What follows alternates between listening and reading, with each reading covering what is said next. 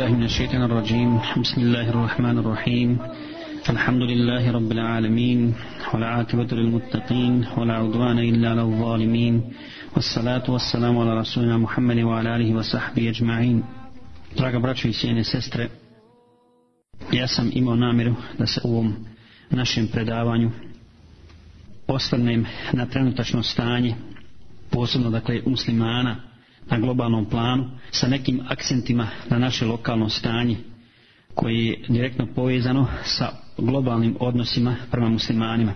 S te strane ja bih ovu temu podijelio na četiri dijela. Dakle, govorit ćemo inša Allah o globalnoj situaciji i napadu na islam i muslimane kojima se i onda kad se napadaju i kad se brane od tog poniženja i tih napada pripisuje terorizam govorit ćemo dakle o tome o toj borbi protiv islama i muslimana pod plaštom borbe protiv terorizma zatim šta je stvarna istina o tome uz ovu tačku ćemo spomenuti naravno džihad i objasniti šta u stvari znači džihad u islamu spomenut ćemo zatim naše stanje u Bosni zatim zašto su muslimani njihove države danas lahak plijen neprijateljima islama i na kraju bismo mogli spomenuti i neku petu tačku gdje je izlaz. Draga braćo i cijene sestre, mi smo dakle svjedoci, slušamo i gledamo ovih dana američke napade, odnosno američku agresiju na Irak i gdje je Amerika dokazala da je odbila sve osim da bude agresor i napadač bilo direktno ili indirektno, posebno kad su u pitanju muslimanske zemlje, a uopšteno kad su u pitanju bilo koji američki interesi. Što se tiče opšteg stanja muslimana, ono je u znaku strašnih pritisaka i napada na islam i muslimane diljem zemaljske kugle, posebno dakle od strane Amerike. Zašto Amerika? Ja sam ovdje u uvodnom dijelu uzeo jedan dio iz jednog teksta koji je objavljen u SAP da ga malo pokomentarišem od šeha Salman Auda gdje on komentariše to stanje odnosa na terenu na globalnom planu dakle zašto Amerika kao glavni napadač i posebno na muslimane i muslimanske države prije svega treba spomenuti da je kraj hladnog rata promijenio mnoge pozicije i tada je Zapad na čelu sa Amerikom najavio novi svjetski poredak i obećao naravno bolji i srećniji život u svakom pogledu što mi naravno u praksi nismo osjetili naprotiv oni su nas uvjerili u suprotno u okviru tog poredka koji je na sva zvona najavio demokratiju i ljudska prava, slobodu u svakom pogledu, Amerika je uspjela da se nametne kao vodeća sila poslije pada Sovjetskog saveza. I ona danas diktira tempo na političkom, vojnom, kulturnom i ekonomskom planu. Amerika želi da sve bude jednoobrazno, da sve države podrže uređenje koje Amerika natura. Amerika ne trpi nikakvu samostalnost u svijetu, ni kulturnu, ekonomsku, niti političku. I naravno, prvi koji su došli na udar američkog jednoumlja su upravo muslimani. Zašto, braćo i sestre? Prije svega zato što je novi svjetski poredak u stvari utemeljen na bezboštvu, koji je kao takav imao jedinog stvarnog oponenta u islamu, jedinoj autentičnoj objavi i priznatoj vjeri kod Allaha subhanahu wa ta'ala. Amerika je razrađivala svoju strategiju obračuna sa islamom cijelo to vrijeme, a nakon 11. septembra oni su javno obznanili napad na islam, odnosno najavili su novi krstaški rat pod parolom borbe protiv terorizma, naravno islamskog terorizma. Oni su tražili bezoslovnu podršku čitavog svijeta, a da nisu odredili niti objasnili granice terorizma, niti su ponudili bilo kakvu strategiju rješavanja tog problema. Parola je bila jednostavno sila i samo sila. Svoju silu su u borbi protiv terorizma isprobali najprije na Afganistanu, na najokrutniji način su napali civilno stanovništvo i dokazali šta su u stvari smjerali i šta im je bio cilj. Nakon Afganistana i silnog i stravičnog poniženja muslimana u Afganistanu od strane Amerike, došao je na red Irak i zapamtite braćo i sestre da je napad na Afganistan juče, a danas na Irak, sutra na Siriju, Iran, Saudijsku Arabiju ili neku treću ili četvrtu muslimansku državu, samo dio onoga što kriju njihova prsa što kriju prsa nevjernika protivnika Allahove vjere kaže uzvišeni kad badatil bagba'u min afwahihim wa ma tukhfi sudurhum akbar mržnja izbija iz njihovih usta ali je puno gore ono što kriju njihova prsa dakle daleko je gore ono što kriju a što još ne mogu da ispolje ili nisu u takvoj situaciji i ne dao Allah da ta njihova mržnja i odbojnost prema islamu i prema muslimanima dođe do izražaja i da dođu u takvu poziciju da je mogu iskaliti i pokazati. Oni su nakon 11. septembra najavili rat i njegov početak, a nisu odredili kraj i krajni cilj. I naravno ta borba protiv terorizma nije zaobišla ni našu državu Bosnu, koja je svakako na meti neprijatelja i svojom propagandom neprijatelji islama su toliko uticali na, na naš narod i mi to moramo priznati da mi sami sebe ubjeđujemo u to da smo mi stvarno takvi kakvi nas oni opisuju i da se pribojavamo jedni drugih. Znamo se dobro, u komšiluku zajedno živimo, u džamiju zajedno idemo, zajedno se borili za pravdu, za slobodu od agresora kojim je upravljao i kumovala upravo Amerika. Na jedan indirektan način jer im je dozvolila da urade četnici i ustaše s muslimana to što su uradili. Na taj način tom propagandom bacio se u zaborav rat, agresija, genocid, urbicid i sve vrste zla koji su se desile nama u strašnoj agresiji na muslimane Bosne i Hercegovine od Srba i Hrvata, a pod patronatom međunarodne zajednice. Zato se neizostavno moramo zadržati kod termina terorizam, a također i termina džihad i objasniti ih u svijetlu islamskih propisa.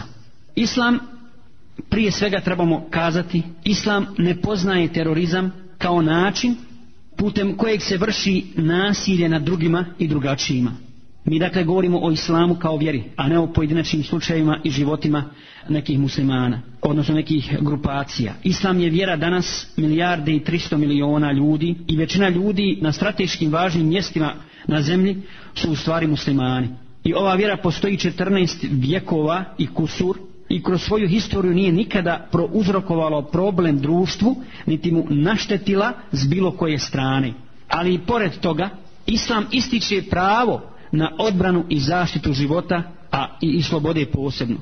I zbog svog stava o ratu, o džihadu, o borbi, nevjernici i protivnici Islama su terorizam ugurali u kontekst Islama. Samim tim, oni su najavili rat milijardi i 300 miliona muslimana – Mi znamo, braćo i sestre, istinu i želimo da je kažemo. A istina je da je islam vjera koju je Allah Đelešanuhu odabrao ljudima, koja se temelji na potpunoj pravednosti i donosi dobro i hajr čitavom čovječanstvu, i muslimanima i nemuslimanima. Allah subhanahu wa ta'ala kaže za svog poslanika وَمَا أَرْسَلْنَاكَ إِلَّا رَحْمَةً لِلْعَالَمِينَ Mi smo te poslali kao milost svim svjetovima. On je milost svima, čak i nevjernicima, jer štiti njihova prava i pravičnost što je Islam kroz istoriju svoje vladavine pokazao. I ako hoćemo biti potpuno realni, iskreni i pravedni, mi možemo i moramo reći da je sadašnji neprijateljski odnos Zapada i Islama izgradio Zapad, a ne Islam krstaški ratovi, inkvizicija, kolonializam, posijano zlo od Palestine preko Čečenije, Somalije, Sudana, Iraka, Afganistana do Bosne. To su sve primjeri, dakle, zla, nasilja i nepravde prema muslimanima. A onaj ko hoće da donese dokaz protiv Islama, kroz istoriju, mora će se dobro namučiti i opet neće doći s dokazom. Dakle, mi postavljamo izazov pred sve one koji osuđuju islam i smatraju da islam baštini terorizam koji oni pripisuju muslimanima da dođu s dokazom iz istorije ljudskog roda od kako se pojavio islam odnosno od kako Muhammed sallallahu alejhi ve sellem počeo da poziva u islam da donesu dokaz da su muslimani napravili nešto slično i učinili nešto slično što su činili i što čine kršćani i drugi koji nisu muslimani. Kad je u pitanju ovaj izraz terorizam, odnosno taj novi svjetski poredak i njihova demokratija, suživot, tolerancija i tako dalje, uzet ćemo dokaze za to da kada ne bi ovo bio samo isprazan govor, Vi ste čuli i slušate stalno da kad je riječ o toleranciji, o suživotu, posebno na ovim našim prostorima, svi i kršćani i muslimani i bilo ko drugi, kad govori o toleranciji, navode primjer Sarajeva.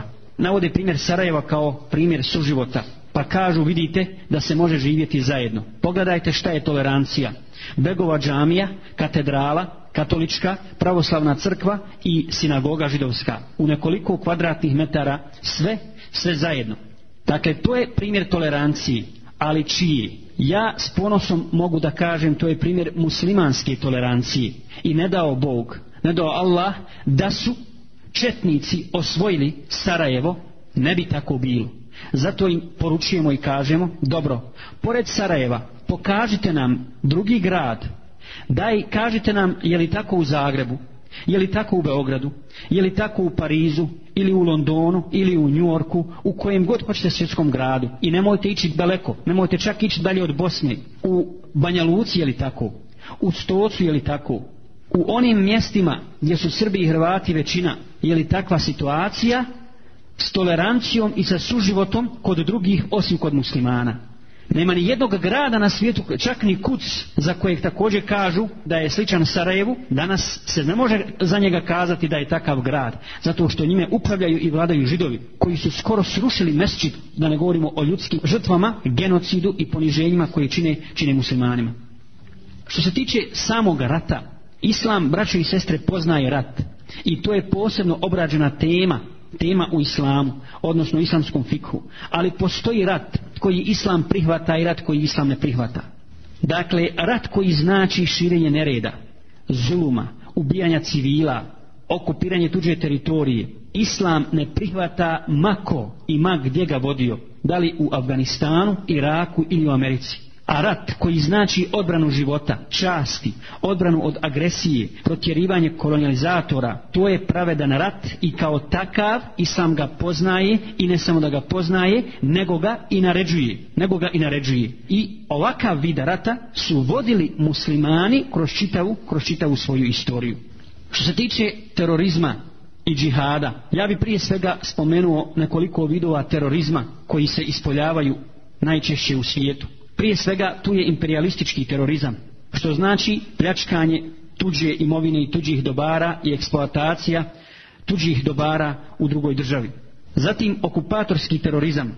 Primjer za to je primjer Izraela koji je okupirao muslimansku teritoriju, svetu zemlju Palestinu i čini najveće zlodjelo više od 50 godina nad tamošnjim stanovništvom, tamošnjim muslimanima, a Amerika niti bilo koja druga država se ne bore da ugase taj plamen terorizma. Zatim idejni terorizam. Idejni terorizam također bi mogli namesti primjer cionističke politike o nekakvom antisemitizmu gdje cionisti, to je židovi govore o tome da postoje skupine koje mrze židove taj takozvani antisemitizam i na osnovu toga na osnovu toga je počinjen i holokaust kako oni kažu i sva druga sva druga zlodjela nad židovima i zato i danas debelo naplaćuju naplaćuju to od onih koji su nad njima počinili zatim državni terorizam kad jedna država teroriše drugu ili ekonomski terorizam kada bogate države kao što je danas situacija kad bogate države sjevera eh, se dignu protiv siromašnih država juga i sve ove vrste terorizma, dobro o njima razmislimo, pa i sada stavimo u kontekst političkih i svakih drugih zbivanja i prevrenja danas u svijetu i da vidimo, da ocijenimo da li se mogu pripisati muslimanima ili nekome drugu. A upoređivanje džihada sa terorizmom na zapadu je jedna velika podvala i velika laž na islam i na muslimane. Ne samo to, braćo i sestre, ne samo da džihad nije terorizam, već mnogi oblici džihada uopšte nemaju nikakve veze sa oružjem, odnosno sa sabljom, puškom ili bilo kojom drugom vrstom naoružanja. A u narednom dijelu predavanja ćemo to i dokazati. Dakle, kad je u pitanju džihad, moramo shvatiti da u islamu džihad ne znači samo rat. Uopšte džihad ne znači samo rat. Allah subhanahu wa ta'ala u mnogim kuranskim ajtima spominje određene vrste džihada koji se ne odnose na rat. Pa između ostalog u Kur'anu, u suri Furkanu 52. ajetu Allah subhanahu wa ta'ala kaže A'udhu billahi min ash-shaytan ar-rajim. Fala tuti'il kafirina wa jahidhum bihi jihadan kabira. I ne pokoravaj se kafirima, dakle nevjernicima, i bori se protiv njih Kur'anom, velikim džihadom. Dakle, Allah Đelešanovu ovdje spominje borbu Kur'anom. A šta to znači? To znači činiti davu, iznositi dokaze ljudima, pozivati ih da prihvate kuransko učenje, odnosno Allahovu objavu Kur'an, objašnjavati ljudima propise Kur'ana i raspravljati sa onima koji nisu muslimani na najljepši način, iznositi im jasne dokaze, ali raspravljati ne na takav način kako se danas raspravlja da se izjednačije vjere. Ne, nego da se iznesu jasni dokazi. Neka oni iznesu svoje, a mi ćemo svoje. Pa da vidimo, pa da vidimo gdje je istina. I da se posle toga povinuju ako dokažemo da smo u pravu, da je to Allahov govor kao što jeste, da je to istina, jedina istina, ona da se prihvati. Dakle, to znači i to Allah naziva velikim džihadom. Dakle, velikim džihadom borba Kur'anom protiv onih koji ne poznaju Allahovu istinu, da im se iznesu dokazi i da se na najvišan način sa njima raspravlja i da se pozovu u islam. Zatim, borba protiv vlastitog nefsa ili prohtjeva duše Allah dželešanu u suri Ankebut u 69. ajetu kaže: "Walladine jahadu fina lanahdiyannahum subulana wa inna Allaha lama'al muhsinin." A oni koji se budu borili u ime nas mi ćemo putema koji nama vode uputiti i zaista je Allah sa dobročiniteljima u ovo značenje između ostalog ulazi i podsticanje duše na dobro dakle stalna muđaheda borba sa svojim slabostima sa svojim nefsom čišćenje duše i udaljavanje od svih vidova zla i svih poroka to je istinski džihad zaista Dakle, to je jedno od značenja, mada u, u nekim tefsirima dolazi i stoji da, da može značiti i borbu sabljom. Zatim, džihad i metkom.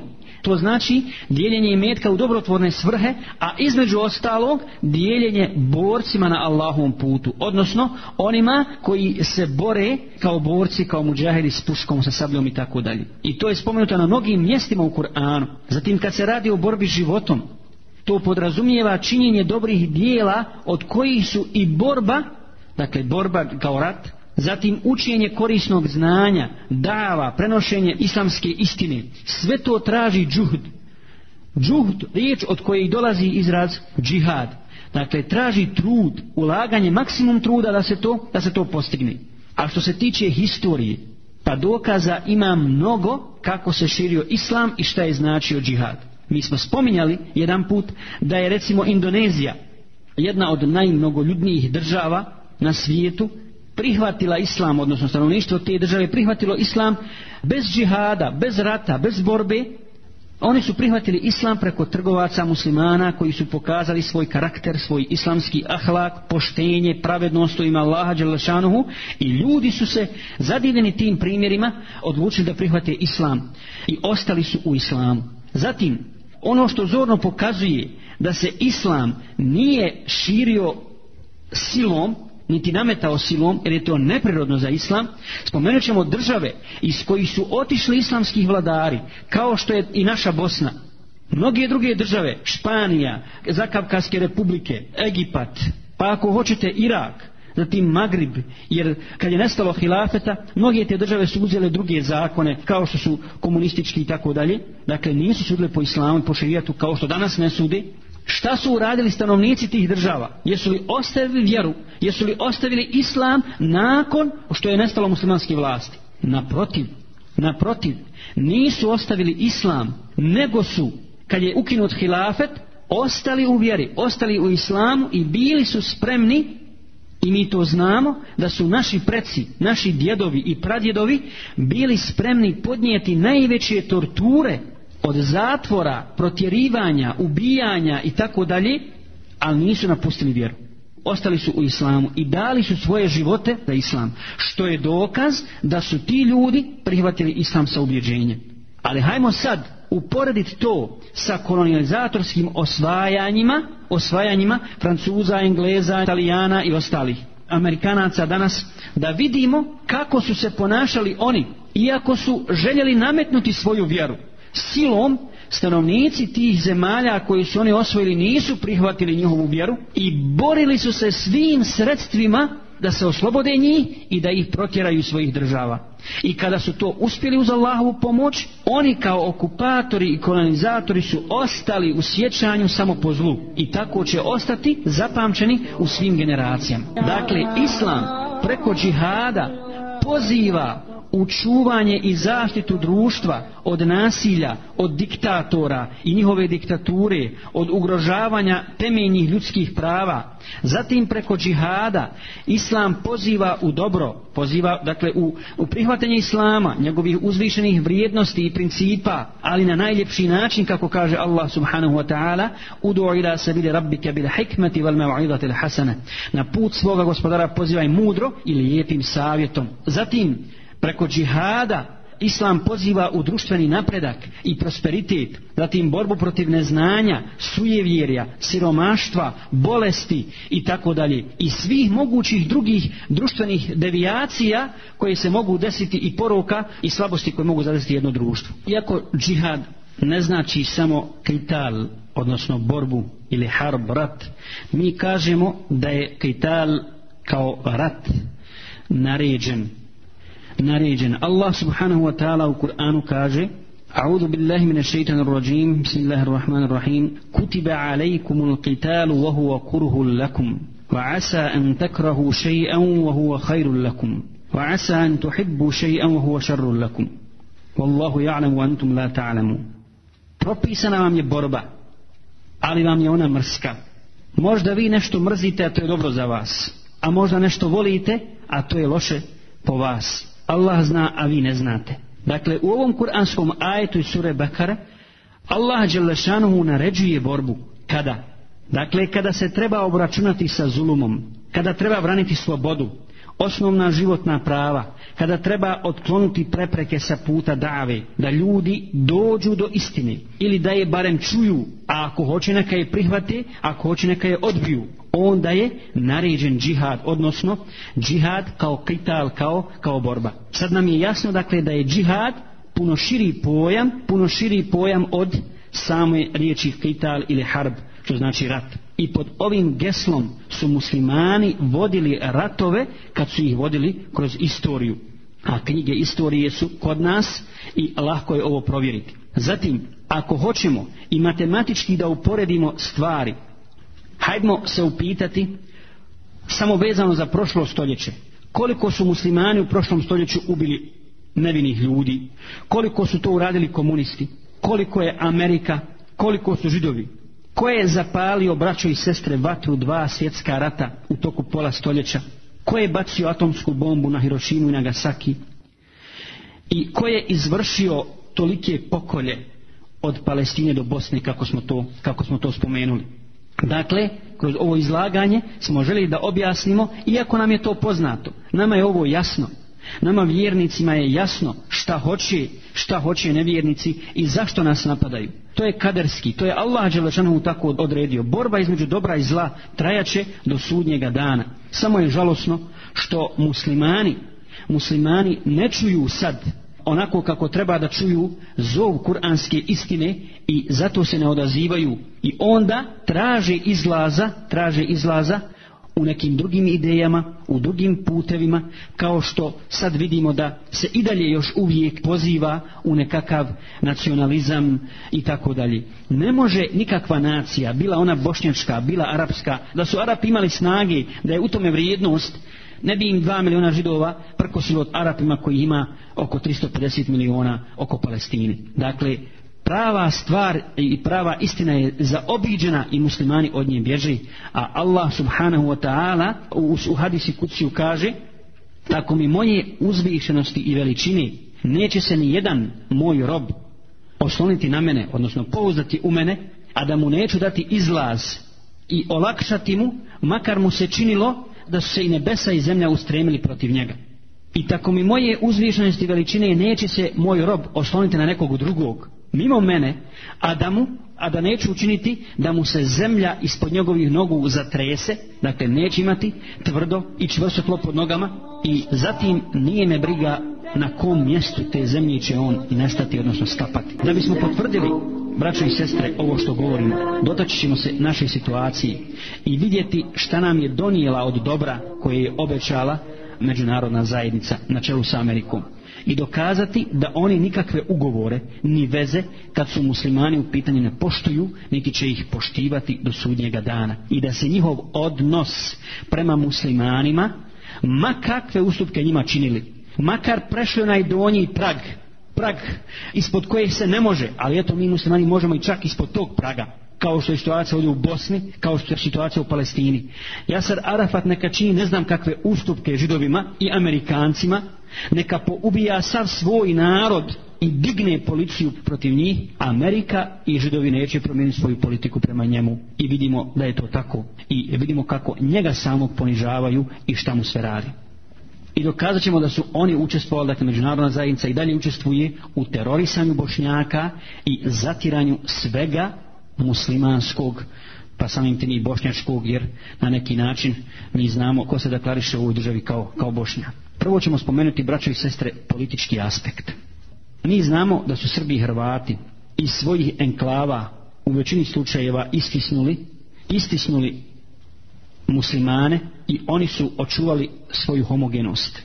A dio teritorije sa bošnjačkom većinom su i te kako okupirali, mislim, u političkom smislu posebno dakle glavni grad odnosno kanton Sarajevo pogledajte kako je podijeljena vlast kod nas u Bosni imamo jednog federalnog tužioca koji je Hrvat i zna se da međunarodna zdajnica ne dozvoljava da to bude Bošnjak ni po kakvu cijenu zatim sjetimo se izmišljene priče o pogorelici ko je tada imao vlast vlast i ko je izmislio pogoralicu. Ministar pravde bio Hrvat, tužilac Hrvat, direktor federalne policije Hrvat, sudija Hrvat, predsjednik Vrhovnog suda Hrvat.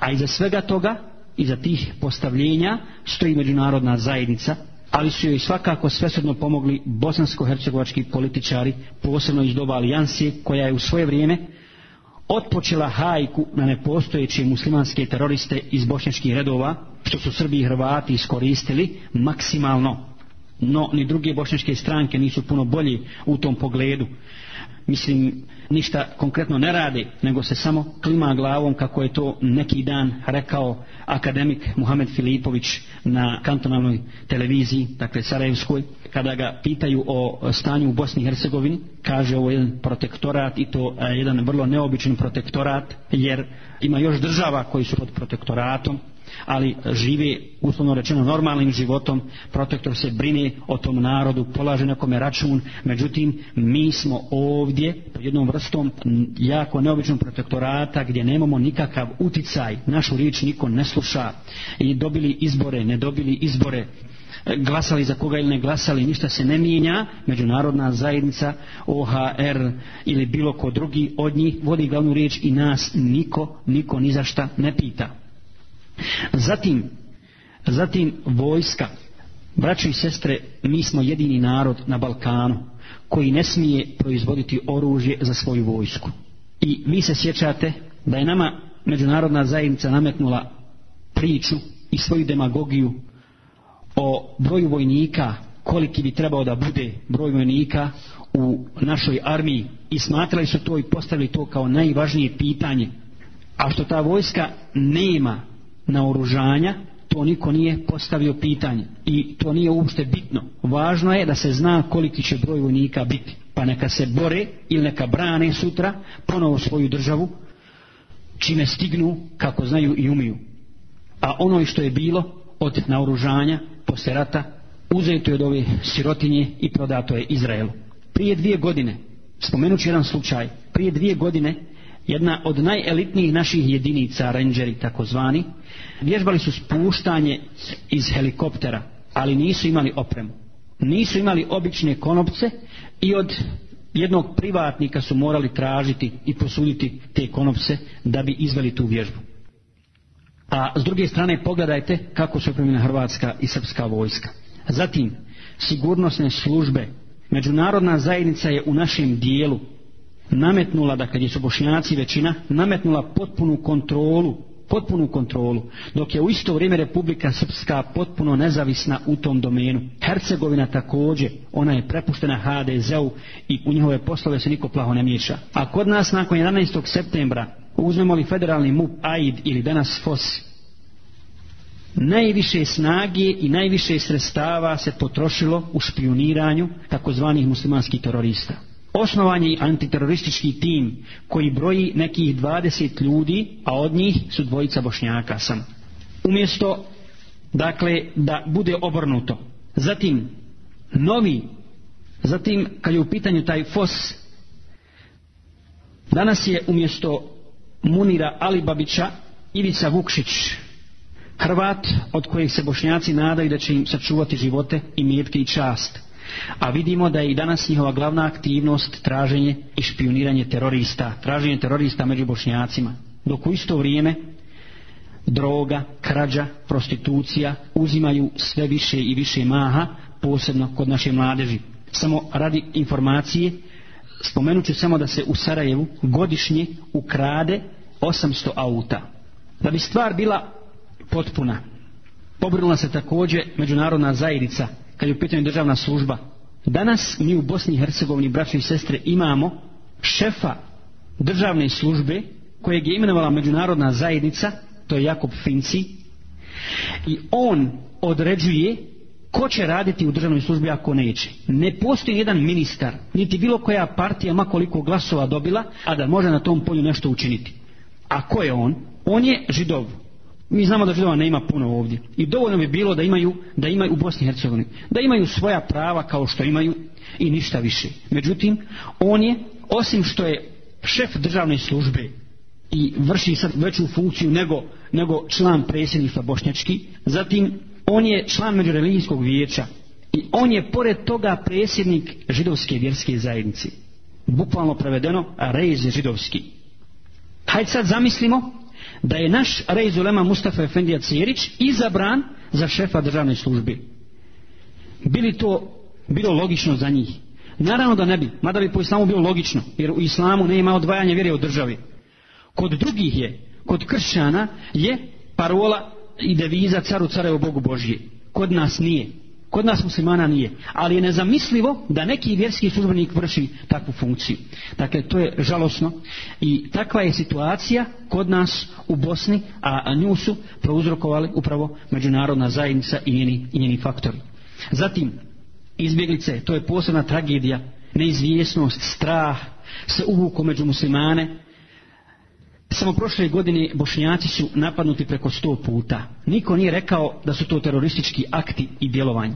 Zatim uzmite gradove koje su Srbi očistili od muslimana. Trebinje, Nevesinje, Srebrenica, Bratunac, Zvornik, Bijeljina, Gradiška, Bosanski Novi, Modrića, Doboj i tako dalje. Skoro etnički čisti gradovi i Srbi samo čekaju novi popis stanovništva, pa da s rahatlukom onda sprovedu konstitutivnost svoga, svoga naroda i da, da oforme jednu, jednu modernu evropsku državu. Zatim, kad je u pitanju suđenje ratnim zločincima, u Bosni i Hercegovini je pred našim sudovima za šest godina osuđen jedan Hrvat, deset Srba i četrdeset Bošnjaka za ratne zločine, dakle pred bošničkim sudovima. A zašto se sve ovo dešava, braćo i sestre muslimanima, danas, ovdje u Bosni i u čitavom svijetu. Odgovor je lahko da mi ćemo spomenuti samo neke hadise poslanika sallallahu alaihi wa sallam u kojima nas upozorava naš poslanik da bi nam se moglo desiti ono što nam se danas dešava. U jednom od tih hadisa koji ga bilježi imam Ahmed od Abdullah ibn Omera kaže poslanik sallallahu alaihi wa sallam Iza teba'atum bil'ainati wa jahaltum aznab al-bakari ورضيتم بالزرع وتركتم الجهاد سلط الله عليكم ذلا لا ينزعه عنكم حتى ترجعوا إلى دينكم Kaže Resul sallallahu alaihi wasallam, kada budete trgovali s kamatom, odnosno kada budete radili s kamatom, i kada se budete uhvatili za kravlje repove, i budete zadovoljni sa onim što posijete, i ostavite džihad, onaj džihad o kojem smo mi govorili i pričali, Allah će spustiti na vas poniženje, koje se neće podići od vas, dok se u potpunosti ne vratite vašoj vjeri. To je problem muslimana, onih koji sebe smatraju muslimanima i sredinicima islama. Dakle, Dunjaluk je okupirao muslimane, međusobna trvenja, međusobna mržnja, međusobna zavidnost i oholost, to je ono što karakteriše muslimane. Vidjeli ste na islamskoj konferenciji Na islamskoj konferenciji prije napada na Irak gdje su se sastali nekakve muslimanske vođe da se dogovore i da zauzmu nekakav stav. Vidjeli ste kako jedni druge vrijeđaju, onaj iz Kuvajta napada onoga iz Iraka, ovaj iz Iraka govori ome da je majmun, da je glup i tako dalje. Međutim, da se kojim slučajem pojavio tu buš, vidjeli bismo kako bi mirno stajali pred njim i slušali šta će ovaj kazati. A Resul sallallahu alejhi ve sellem u drugom hadisu kaže: "Yusiku an tadaa alaykum al-umam kama tatadaa al-aklatu ala saqatiha." Bojim se da se protiv vas ne okupi narodi kao što se gladni ljudi okupaju oko sofre.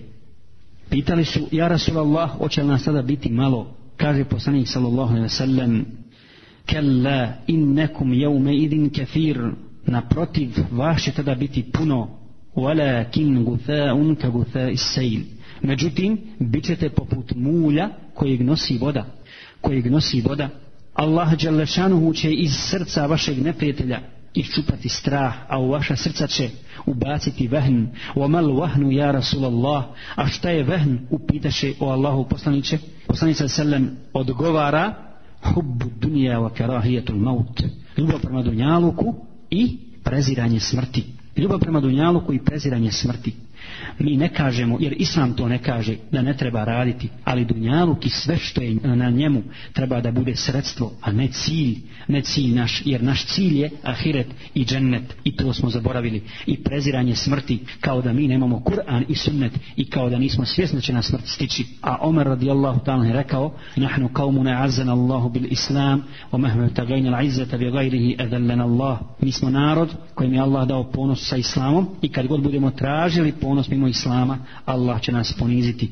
Dakle, to je uzrok. To je uzrok našeg stradanja i našeg patnji. I dok se potpuno ne vratimo vjeri, ne vratimo islamu, nema, nema uspjeha. I ono što bismo mogli preporučiti jedni drugima kao muslimani, kao vjernici u ovom teškom trenutku, jeste Dakle, prije svega vraćanje Kur'anu i sunnetu. Zatim, preispitivanje davetskog, odnosno odgojnog i naučnog programa i postavljanje tog programa na zdrave temelje, na temelje Kur'ana i Sunneta. Jer vallahi, ako te stvari ne promijenimo, naše mlade generacije će stradati i propasti, otići će u zablodu i ostati, ostati u njoj. I pati će i proklinjati one koji nisu, koji nisu upozoravali na te stvari, koji nisu objašnjavali, objašnjavali pravu istinu. Zatim, Ono što kod nas mora da bude jeste ozbiljnost i predanost u radu i nevezivanje plaho za dunjalu kako smo kazali. Zatim pogled dalje od situacije bez obzira kako ona bila teška. Musliman ne smije gledati ispred sebe.